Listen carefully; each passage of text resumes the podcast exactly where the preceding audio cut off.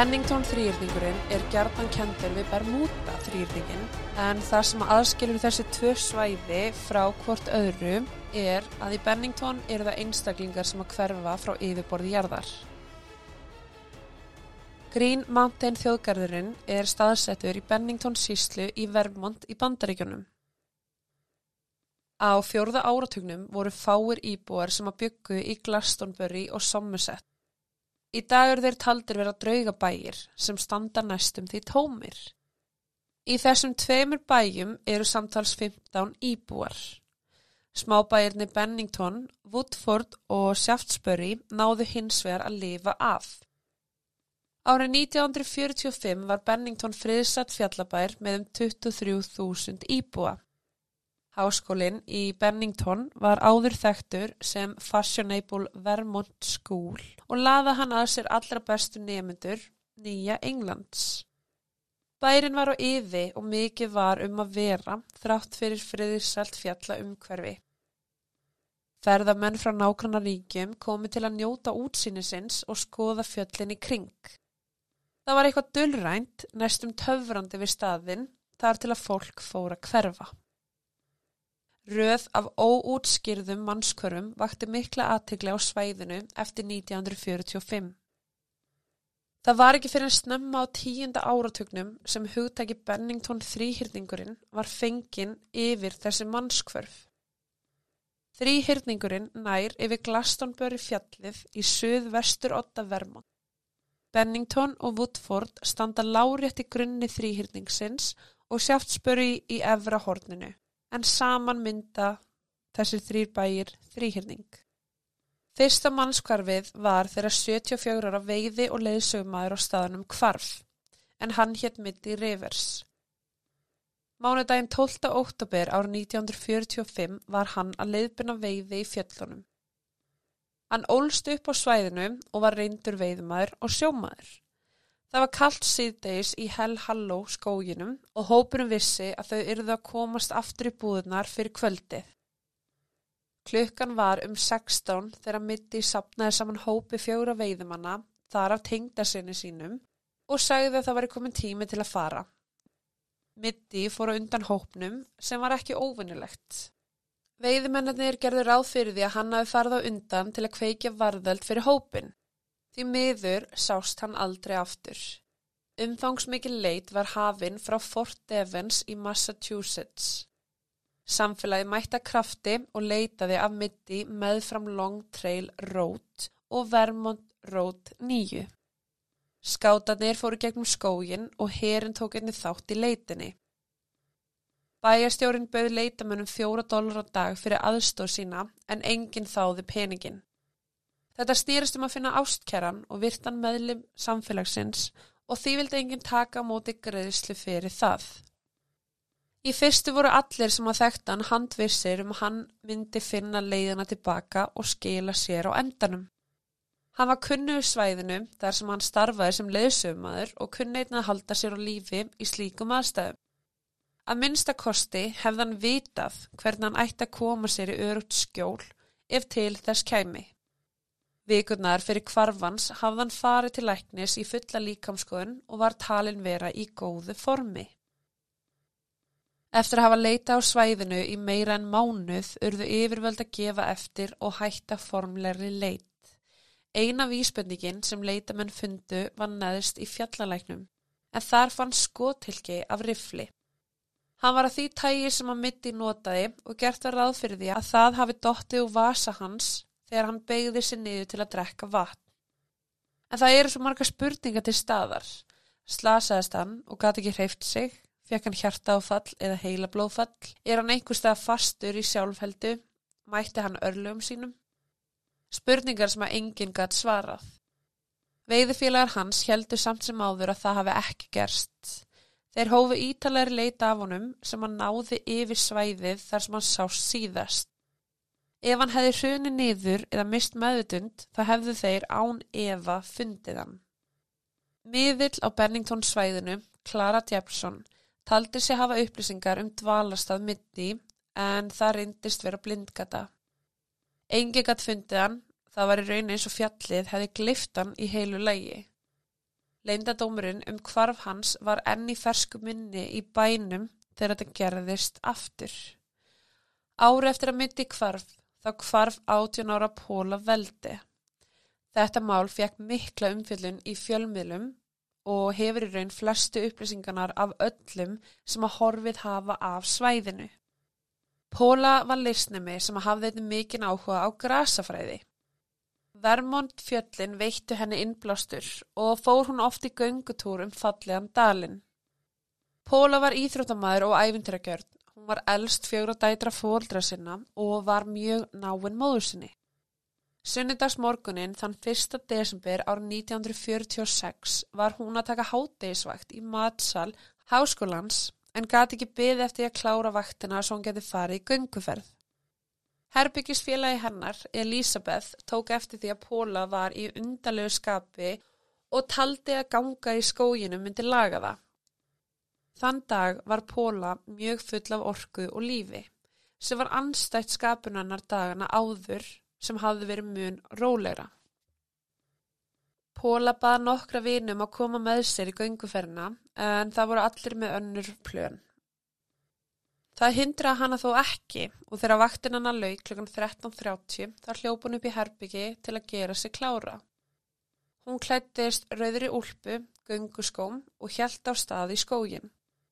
Hún yfirgaf háskólasvæðið einhver tíma á milli 14.30 og 14.45 með takmarkaða dagspyrtu eftir. Sólsetur kom 16.20 og klukkan 18.00 var komið myrkur.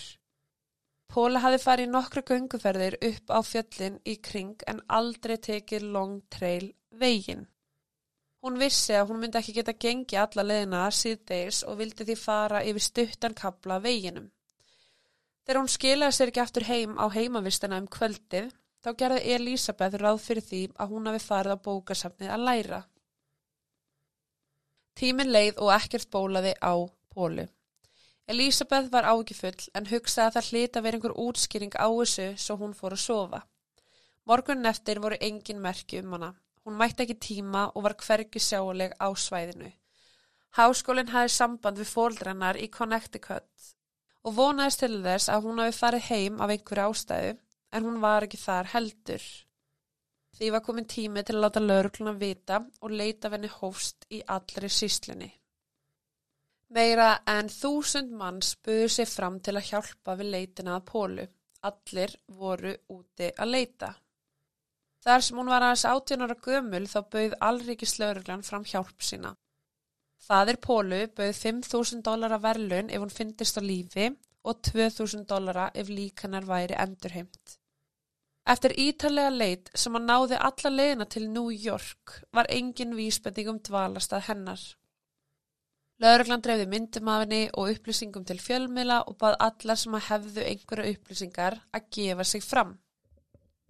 Verktæki á staðnum, Louis Knapp, kom fram og sagðist að hafa gefið ungri konu far sem að líktist pólu.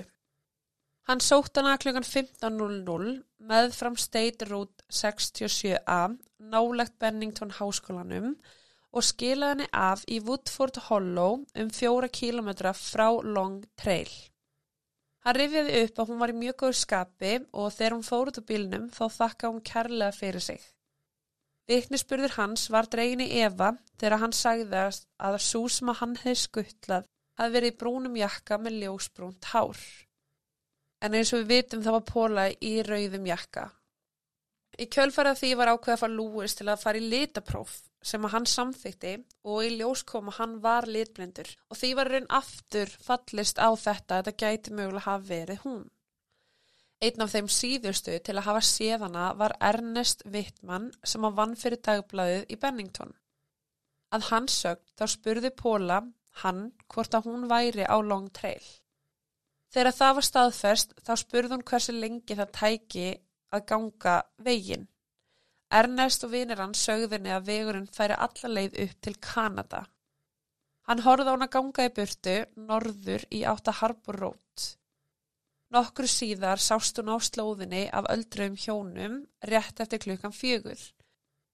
Þau vorum hundra metrum að eftir henni og sá hann að hverfa fyrir hodnið.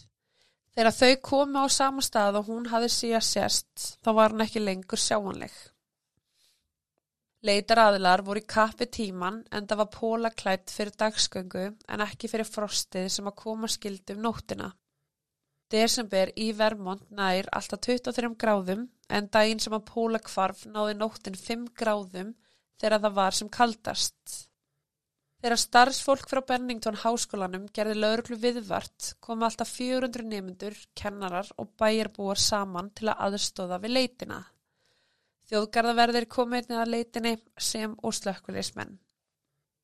Þrátt fyrir ítarlega leit á jörðu niðri þá fannst aldrei neitt. Vittni í fram að hún hefði heyrt öskur ungra konu í mýrónum nálegt Bickford Halló daginn sem að póla kvarf.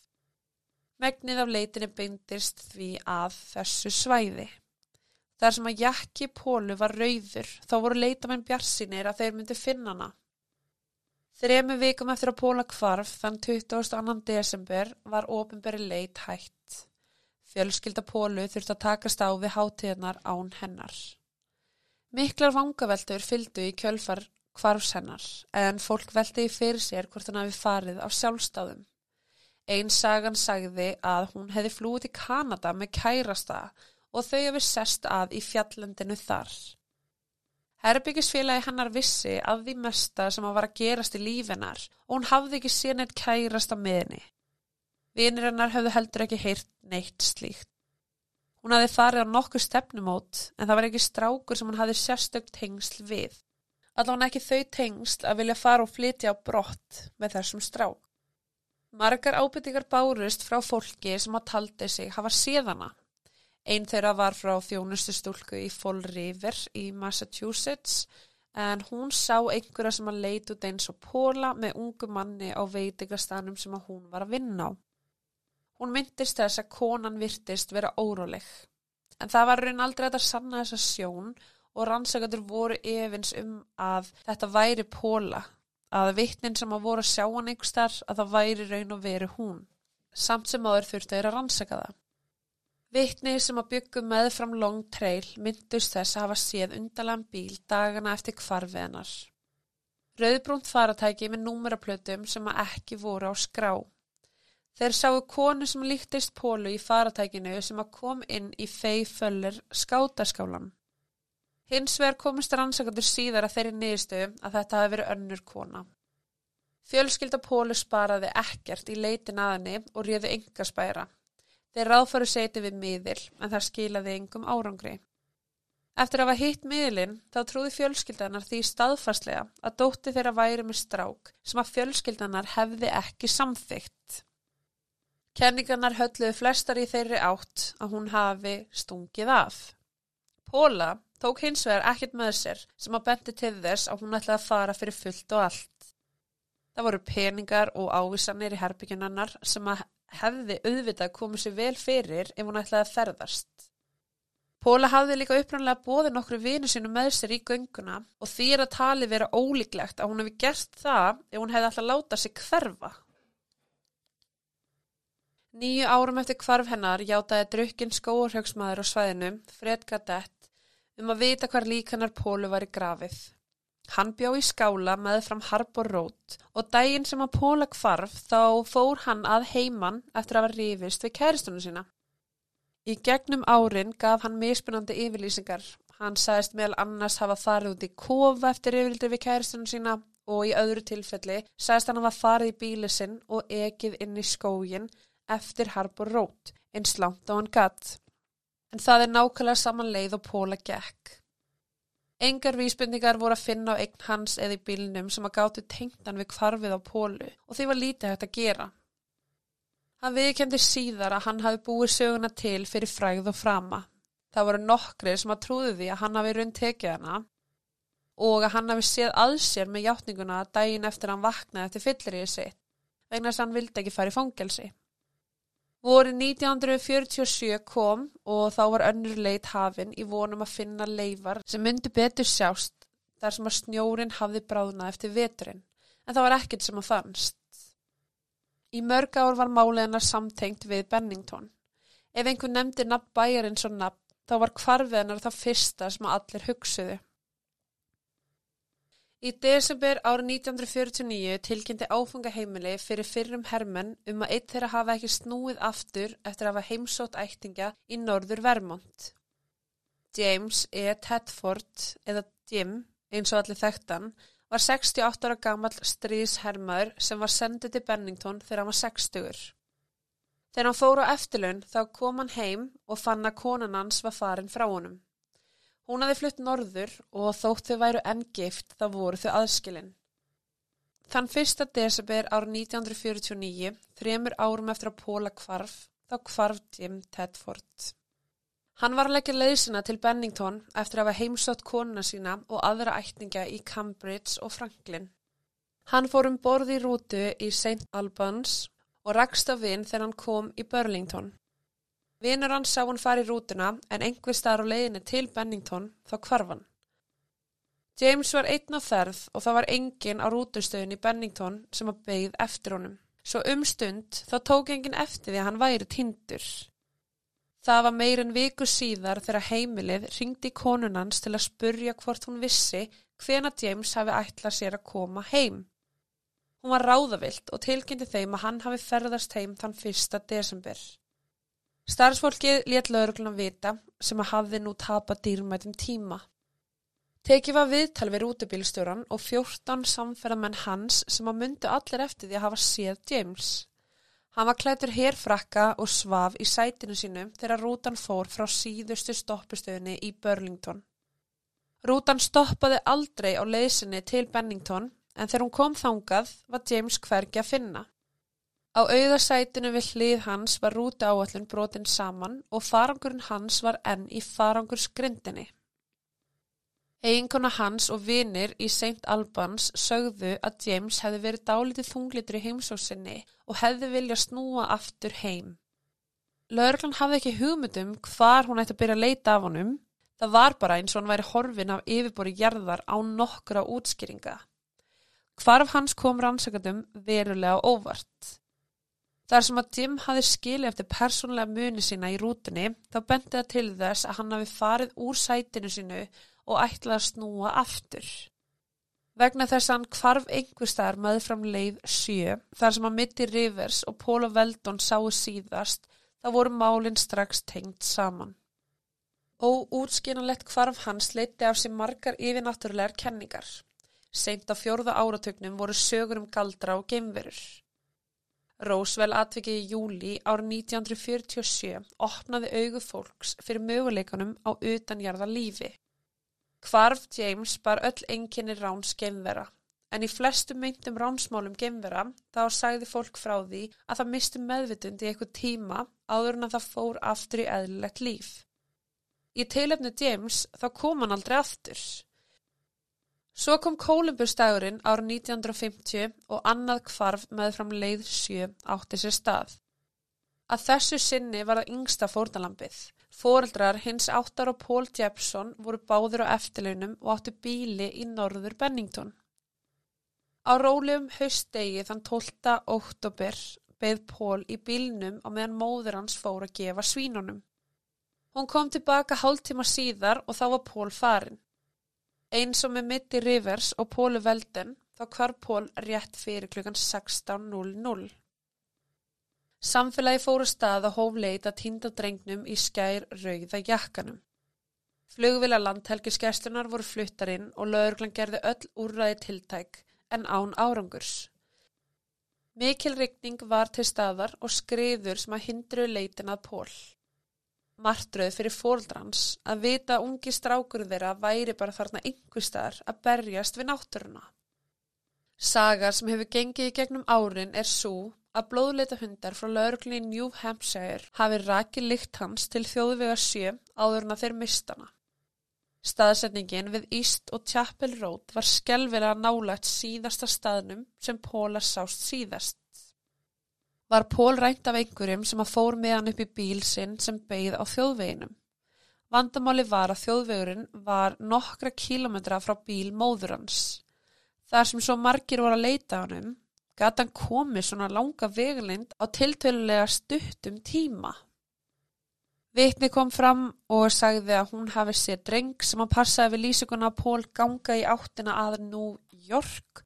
Hins vegar var fadir Pól samferður um að drengurinn sem að konan sá var ekki sónu sinn. Jafnframt heldum því fram að drengurinn hafi verið með mikið hár og þyrrt á klippíku að halda. Fóldra Pól fullirtu að hann var með stutt og snirtilega klift hár. Móðir Pól sagði að dagana fyrir kvarfans hafði hann ítrekka tala um tálbeitu fjallana og hún held að hann hefði vil, vilst af vegi og farið í áttina af fjöllunum. Pappi hans var með svipaða útgáfa á atbyrðum en vísaði til þess að Pól hafi verið drepin í áttina af fjallinu. Þegar ekki verið hægt að finna hann, þá neytaði fólk að sætta sig við það að hann var einfallega bara horfin. Nokkra hryllilega sögur sló í gegn og margir veltiði fyrir sér hvort fóldra hans höfðu einfallega drepið hann og gefið svínunum líkamsleifar hans. Þegar þessi frétt kom í blöðin var fjölskylda hans skiljalega reið og neytiðu öllum ásökunum. Þetta olli mikillir spennu millir fjölskyldunar og fjölmiðla og neytiðu þau að tala við þá aftur. Leitina Pól stóð enn yfir eftir tvær vikur þegar hinn 53 ára gamla Fríeta Langer kvarf af gönguleg sinni. Fríeta, eiginmaður hennar Max og frændinar Herbert voru að gista í fjölskyldu skála nálegt Somerset lóninu. Max hafi slasast á hnið og kaus að vera eftir á tjálstæðinum og meðan Fríta og Herbert fóru gönguferð. Meðfram slóðinni rann Fríta og fjall í læk. Hún var gegblöyt og sagði Herbert að halda áfram ánennar. En þau voru aðeins um 150 metrum frá skálanum svo hún vildi fara aftur þanga og skipta um född. Þegar Fríta kom ekki aftur fór Herbert aftur á tjálstæðinu. Þar sem að Max var hissa á því að Fríta hafði ekki komið með honum. Herbert varð fyrir áfalli þegar hann áttaði sig á því að Fríta hafði ekki skilað sér þangað. Hún sá síðast klukkan 15.45, meir og minna á sama tíma og mitti, Póla og Pól þegar þau hurfi. Umfangsmikið leit var gerð á tveimur vikum, meðal annars í lofti með þyrlum. Eins og fjórmenningarnir sem hafðu horfið á undan henni á sama svæði, þá var ekki eitt einasta ummerki um hann að finna. Fríta var reyndur göngumadur og hafði eitt miklum tíma í skóginum nálegt somursett lóninu. Ásamt Max þá hafði hún átt skálan í um 14 ár og kunni að meðhandla byssur. Það hefði verið ólíklegt að hún myndi villast á leið og ef það myndi gerast þá vissi hún mæta vel hvernig hún ætti að koma sér í skjól. Það voru innan við 150 metrar á milli Herberts og Max sem mjög stutt ganga fyrir hérna hressu frítu. Mjög líkt mitt í rivers þá virtist þess að jörðin hafi gleift hana í heilsinni. Hún var þarna eina mínútuna og þá næstu var hún farin. Ólíkt hinnum sem að hurfu úr Bennington þá fannst lík frítu að lokum. Þann 12. mæ ár 1951, næstum sjö mánuðum eftir kvarf hennar, þá fannst lík hennar í rjóðuri nálat Somerset lóninu, tæpa 5 km frá veiði skála þeirra hjóna. Þetta var staður sem að hafði verið leitað á margsinnis áður. Rannsakandur töldu að líki hennar hafi verið komið fyrir eftir að leitinu var hægt en það hafði verið leitað vel og vandlega á þessu svæði. Það var ekki hægt að úrskurða dánar orsök vegna ástands líkamsleifa hennar. Þar sem að hún fannst í mýri þá veltu þeir fyrir sér hvort hún hafi druknað. Uppgötun líksins stýpkaði leindadómin enn frekar. Var þetta slis, var hún drepin, ef svo er, var hún geimt einhverstaðar í nokkra mánuði og lokum styrta í lónið. Þetta var óruleg hugsun og fólk veltiði fyrir sér hvort fleiri líkamsleifar mynda lokum skila sér. Þetta var síðasta kvarfið á svæðinu. Rannsagandur skoðuðu þessi fimm ár sem að höfðu liðið og reynda að finna tengsl millir fórtalampana fimm manns á mismunandi aldri, kyni og bakgrunni sem að hörfi frá sama svæði á fimm ára tímabili. Öll mannskverfin átt sér stað seinta árinu að hausti eða snemma veturs, venjulega síðdeis á milliklungan 15 og 16.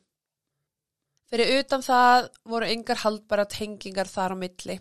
Tvö yngstu fórtalömpin, Póla og Pól, klættist bæði rauðum jakka og svo staðrind olli hjátrúm.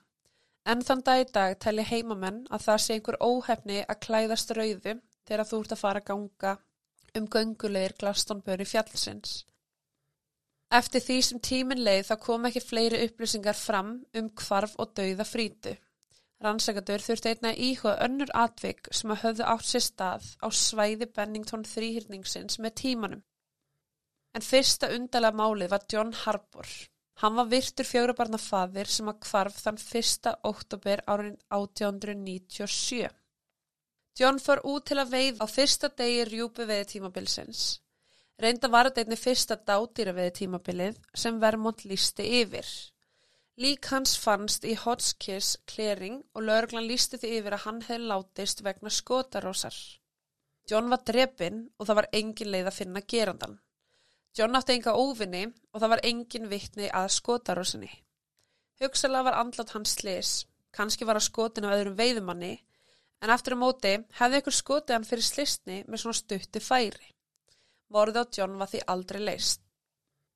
Einni var skoða kvarf Melvin Hills, 13 ára drengs frá Bennington. Síðar sást til hans með fram Long Trail þann 11. oktober árið 1942. Margir lít á mál hans sem fyrsta dölufulla kvarf Bennington þrýhyrningsins. Ef við skoðum út fyrir þrýhyrningin er rétt að segja að dölufull atvik er ekki einungis einskorðuð innan markans. Árið 1936 í 65 km fjarlæð nálegt Lebanon Springs í New York þá kvarf hinn 22 ára gamla Catherine Hull eftir að fara í göngutúr. Hauðskupa hennar fannst í skóginum árið 1943. Rannsakarnur töldu að hún hafi vilst í skóginum og orði úti en dauði hennar var aldrei rannsakaður frekar. 160 km frá Bennington við Lakesville, Connecticut hvarf hinn 10 ára Connie Smith á dölafullan hátt í skóginum við sömabúðunar sem hún dvaldi í árið 1952. Í óttubér árið 1981 voru þrýr veiðumenn frá Massachusetts sem að hurfu nálegt draugabænum Glastonbury. Líkamsleifar þeirra hafa aldrei fundist og engin veit hvað varð um þá. Og listin heldur áfram. Í gegnum árin hafa verið tilkynnt um 30 til 40 mannskvörf. Það eru einfallega ómörg tilvik á Bennington svæðinu til að horfa fram hjá þeim möguleika að eitthvað skrítir sé í gangi. Um aldir töldi frumbyggjar að fjöllin væri bölfið. Algonquin góðsögnin var að við töfrandi stórgríti í fjöllunum sem opnast og getur alla sem að stíga á það. Vegna þess að vindarni fjórir mætast í fjöllunum að þá myndi frumbyggjar Ameríku hætta sér inn í skógin til þess að grafa hinn að látni. Glastonbury Mountain hefur sannlega ófyrir sjálegt vindmynstur sem að veldi því að plöndur vaksa í mismunandi áttum. Þetta gerða verkum að það getur verið mjög erfitt að rata á svæðinu, jafnvel þó þú sért reyndur göngumæður. Þá er einnig möguleikja á að raðmóringi hafi verið í skóginum, hrifsa fórnalöfum sín, þar með þau bíl sem lagt var við þjóðveginn og drepi þau og skila þau eftir okkur um allt, allt öðrum stað. Að þessi kenning er í raun mjög erfið. Það var ekkert dæmigjart fórnalamp, þau voru aldrei um 8 til 74 ára og það er ekkert sem skýrir til dæmis eins og kvarf James úr rútunni. Skýslur um Bigfoot uh, frá Green Mountain þjóðgarðinum er mjög tíðar. Allir sem að segjast hafa séð Bigfoot hafa sömu lýsingu. Að Bigfoot sé hárklætt vera sem er meira 6 fet á hæð. Fyrsta skráðar sín á Benningtons skrimslið var snemma á 19. öld þegar óþögt skeppnar réðist á stríðsvagn og ítti því yfir á hliðina. Skeppnan hljópi burtin í skógin, öskrandi ára nokkur gart séða almennilega, en í öllum skýslum nefna vittni sterkar lykt og ef hann ræðist á eitthvað þá öskrar hann hátt. Ef Bennington skrimslið á sög á undalögu kvörfunum Hversuna heyrðu vittni ekki neitt eða fundi ekki lykt af neinu. Mitty Rivers, Paula Velden, Paul Jepson og Frida Langer voru öll nálat einhverjum öðrum. Ef þau hefðu orði fyrir árás, hefðu ekki einhverju örgla heyrt eitthvað. Bennington þrýrningurinn er líka fullur af UFO sjónum, sögur um undarlega háfaða í útvarpi eða fólk sem að sér dölufullar fíkurur, siglingar sem að missarnast og dölufull flugslis eru allt almenn þekking heimamanna. Vegna svo sterkra yfirnáttúrulega þáttægi kringum svæðið, þá telja sumir sér vita hvað varð um fólki sem að týndist með fram long trail. Aðdáendur vísinda kannast við hugtækið ormagöng eða wormhole. En Albert Einstein og eðlisfræðingurinn Nathan Rosen lögðu til að það væri til, að það væri til ákveðin brú í raun tíma. Hver brú tengir tvo punta í tímarúmi og skapar fræðilega séð flítileið frá einum þeirra til annars, sem sagt annarkvort þá frá eins tíma til annars eða frá einn staða til annars. En þar sem þessi hugmyndir aðeins til í orði er ómögulegt að segja hvort og hvert einhver sem að fer inn í þessi ormagöng myndi fara í annan tíma, annan stað eða kannski bara annan alheim. Bennington þrýrningun heldur áfram að vekja áhuga fólks allstaðar úr heiminum. Honum hefur, hefur gerðna verið líkt við Bermuda þrýrningin og önnur mannskvör sem að eiga sér stað í þjóðgörðum eru gerðnan kend við Missing 411. Í rannsók sinni fann David Paulides meira en 1200 tilfelli af óútskýrðum mannskvörum í þjóðgörðum og skóum í Norður Ameríku. David bendir að ákveðna hliðstæður í málunum og þá örugla við þegar kemur að kvarfi innan Bennington þrýrningsins. Hér eru nokkru að samilu um þáttum. Við hvert kvarfir aðskilnaðar sem ási stað eða sá sem að hverfur er einn á ferð. Tími kvarfsins er svipaður og gerist venjulega nálat vatni og þef hundalörglunar eiga í erfileikum með að fylgja lyktinni. Fórnalem finnast stundum á stöðum sem að áður var leitað á og ef þau finnast að þá er engin skýr dánar orsök eins og raunin var með frítur langer. Í bóksinni Missing 411 greinir David Polites frá öðru undalegu tilviki frá hjarta Bennington þrýrningsins. Barker fjölskyldan frá Hudson í New York var í fríi í Bald Mountain skálanum um kílometra við þjóðveg 7. Það var síðdegir 16. ágúst ár 1937 þegar frú Barker yfirgaf 20 mánuða gamla dóttu sinna, Alice, inn í skálanum og fór til næsta nágruna. Hún kom aftur tímyndum síðar og litlu Alice var hvergi að finna, hvorki inni niður nokkuð staðir í kringum skálan. Nágrunni Barker ringdi í laurugluna og í kjölfari var gerð mikið leit á svæðinu. Hitin lækkaði óeðlilega og nokkur skúrir voru um nóttina. Morgun eftir voru engin merki um litlu Alís. Eftir tveggjadaða samféldarleit fundur sjálfbóðlega litlu stúlkuna á lífi. Hún var undir tre á skóurhauksvæði og nakin. Þegar læknar skoðu hana þá hafði hún enga áverka og þurfti ekki á sjúkrahús vist að halda. Eftir að hafa verið úti í náttúrunni í rykningastormi var eiginlega ótrúlegt að Alice var algjörlega ómeitt. Lauruglan taldi að einhver hefði ræntinni og mannræningi hennar hefði komið henni fyrir þar sem hún fannst, en það var einn eina leiðin til að skilja málið. Hins vegar, ef maður horfir á það á samt öllum hinum undalögu kvörfunum, þá verður maður að veltaði fyrir sér hvað mögulega gekk á. Kannski ættum við íhuga reynslu nýlegs göngumann sem að týndist í skóginum en hann fannst að lokum. Robert Singley, tónlistakennari við Bennington Háskólan, týndist þegar hann gekk á slóð nálat Bald Mountain. Robert var reyndur göngumæður sem að þekkti svæði mjög vel. Þegar komaði því að snúa heim þá gekk hann sömur slóðuna tilbaka. Það fór hins vegar meðan á óþögtan hluta skóarins og hann hafði ekki hugmyndum hvar hann var stattur. Róbert varð ágifullur og vissi ef hann kæmast ekki aftur á réttar slóð þá gæti hann þurft að gista í skóginum. Rétt í þessu laðist þung þoka á hann sem að skegði á allt umhverfið. Róbert var ráðavildur og ákvaði að vera kyrrum stund. Hann sá hlindri og laðast af því að óskiljanlegan hátt. Hann komst að trénu og leitaði eftir þurrum prikum svo hann geti kveikt varðöld. Hins vegar reyndist hver stafur sem hann tóku upp vera beinagrundarleif dýra. Í stað þess að pyrra sig yfir stöður sinni hafði Róbert meiri ágjur af unnustu sinni. Hann vissi að hún myndi hafa ágjur af honum. Hann var staðráðin í að lifa nóttina af og náða kveikja eld og kurði sig yfir rætur hlindrjasins. Morgunin eftir hafði þokunni létt og hann áttaði sig á því að hann hefði gengið í gagstæða átt þar sem hann lagði bílnum sínum. Hann vissi ekki hvernig hann hefði getað farið í vittlösa átt en var létt yfir því að hann hefði komist heim að lokum. Bennington þrýrningurinn með Glastonbury fjalli í miðinni er dulafullu staður til að fara í gönguferð. Eins fallet og það er, þá eru það þessi hörmulegu leyndamál sem að það geymir sem að gera þetta hættilegum stað. Voru Melvin, Mitty, Paula, James, Paul og Frida öll með svipaða reynslu og háskólakennarin Robert Singley.